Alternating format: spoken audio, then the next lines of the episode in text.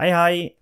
I denne episoden skal vi snakke om Norges forhold til Kina. Før vi gjør det, vil jeg bare kjapt nevne Patron. Der kan dere støtte podkasten. Ellers finner dere teksten til episoden på nettstedet. Har dere noen spørsmål, kan dere sende dem til meg på e-post. La oss begynne.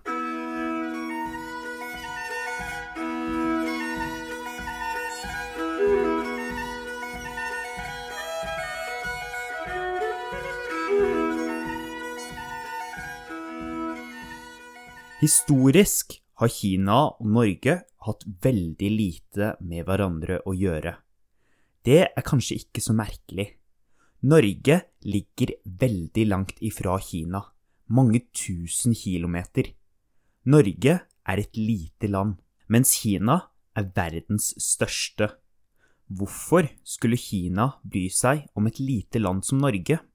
I tillegg var lenge Kina et fattig land.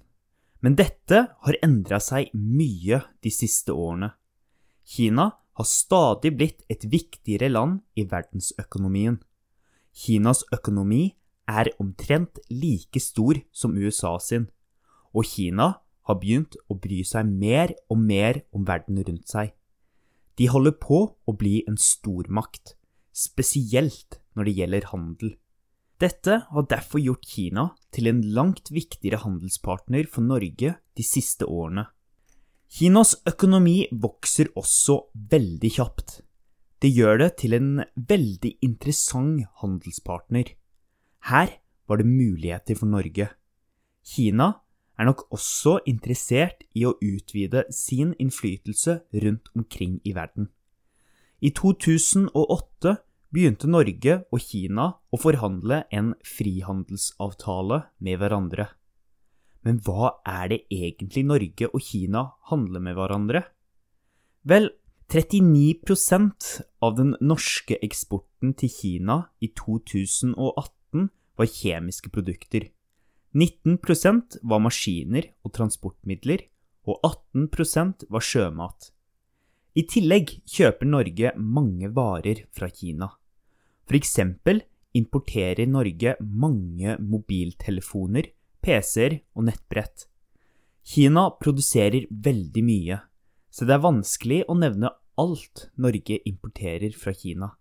Men det er mye, og det vokser hvert år. Norge så at det var lurt å være nærme Kina.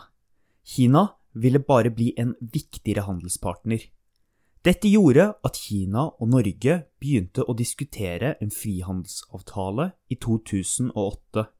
Landene møtte hverandre åtte ganger for å diskutere avtalen. Alt så ut til å gå bra. Det så ut som om Norge og Kina kom til å skrive under på en frihandelsavtale. Men så skjedde det noe i 2010. Norge ga fredsprisen til den kinesiske menneskerettsforkjemperen Liu Xiaobo. Dette kunne ikke Kina godta. Det blei ikke noe av avtalen. Kina brøt forhandlingene, og forholdet mellom Kina og Norge nådde et historisk lavpunkt.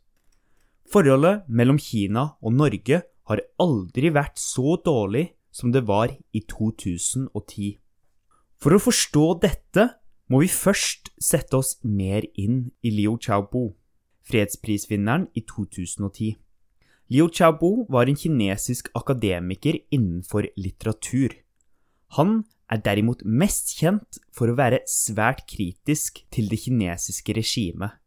For eksempel var han med på protestene på Den himmelske freds plass i 1989. Dette gjorde at han ble fengsla i to år. I 1990-årene var han med i flere demokratibevegelser i Kina, og han ble arrestert mange ganger. I 2008 skrev han under på et politisk manifest for å øke demokratiet i Kina.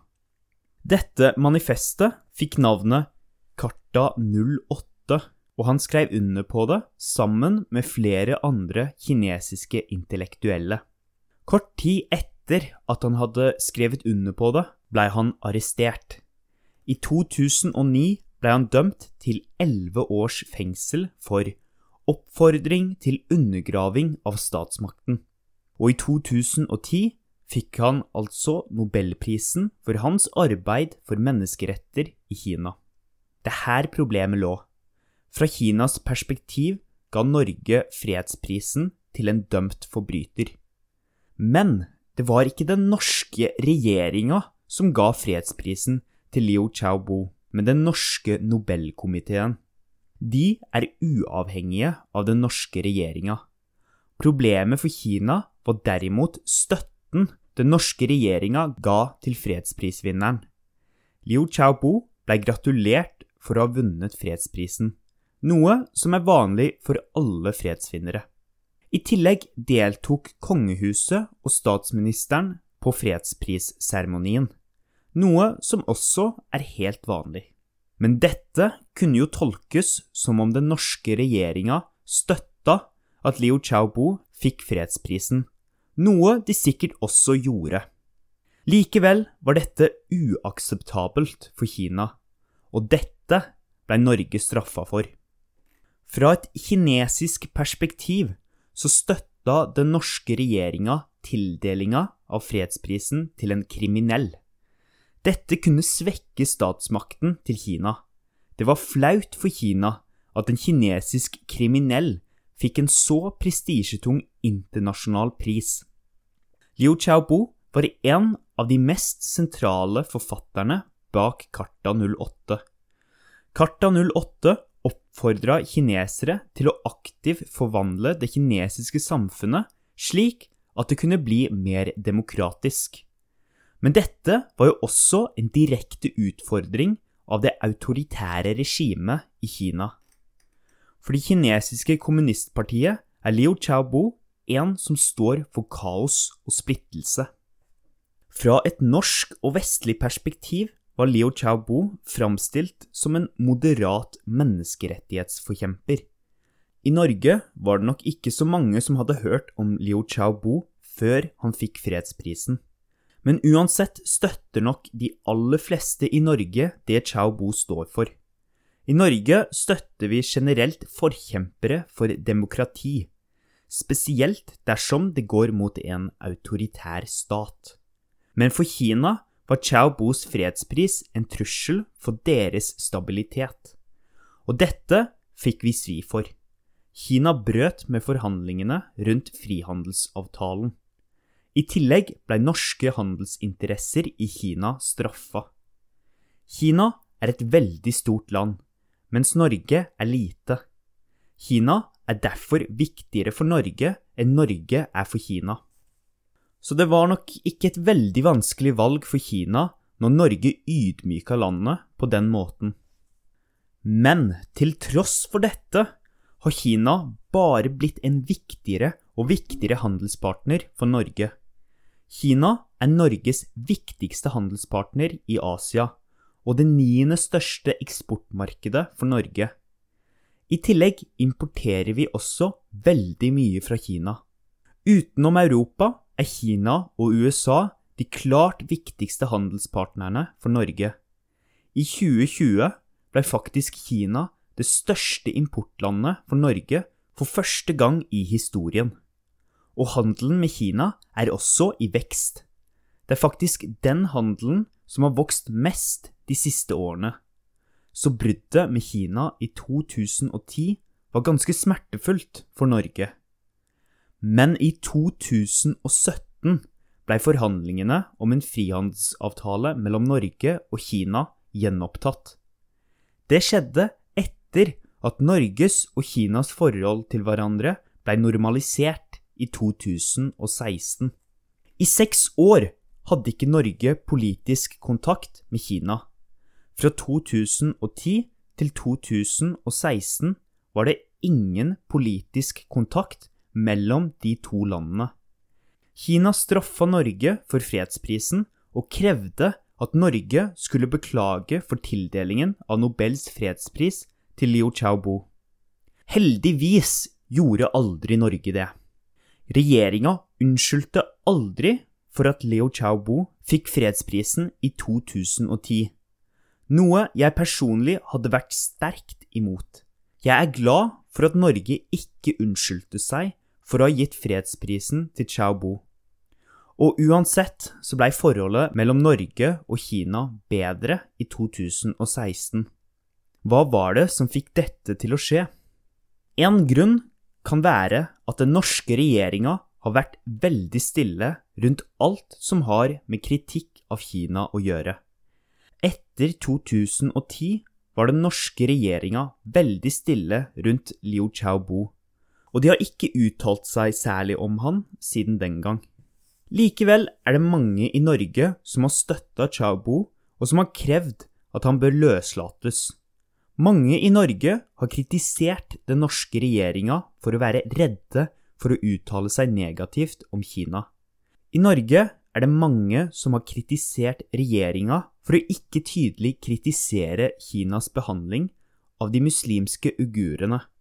I tillegg er det mange som ønska at Norge skulle støtte Hongkong og deres demonstrasjoner mot Kina. Det er mange i Norge som mener at regjeringa har gjort alt for å fikse forholdet sitt til Kina, selv om det går ut over våre egne verdier og meninger. Likevel er det også veldig lett å forstå valget til den norske regjeringa. Rent realpolitisk gagner det nok Norge mer å få et godt forhold til Kina enn å kritisere dem for menneskerettighetsbrudd. Kina er en økonomisk stormakt og vil nok bare vokse seg enda større. Har lille Norge råd til å kritisere Kina? Bør vi ikke rent realpolitisk heller bare være stille rundt Kinas brudd på menneskerettigheter for å få gode økonomiske avtaler? Vel, rent realpolitisk er det lett å forstå regjeringa.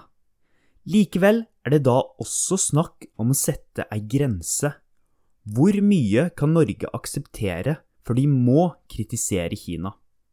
Styresettene til Kina og Norge er veldig annerledes, så dette vil ikke gjøre det økonomiske samarbeidet mellom de to landene lett.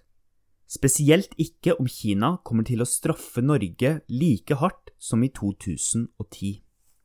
Man kan også diskutere om ikke integritet er viktigere enn økonomi er det viktigere at Norge står tydelig på sine demokratiske verdier, også utenrikspolitisk?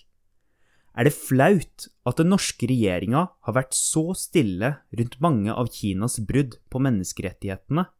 Skal Norge gi slipp på verdier som vi mener bør være grunnleggende og universelle? Vel, det er en komplisert sak som sjelden er helt svart-hvit. Men det ser uansett ut som om Norge går mot økonomi heller enn å stå opp for sine egne verdier. Til slutt vil jeg bare si at det er mye annet vi også kunne snakket om når det gjelder Norges forhold til Kina.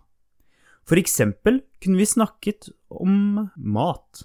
Kinesisk mat har blitt veldig populært i Norge, så kinesisk kultur har også en økende påvirkning på Norge. Likevel valgte jeg å fokusere på det politiske i denne episoden. Dersom du har noen spørsmål eller tilbakemeldinger, må du gjerne ta kontakt.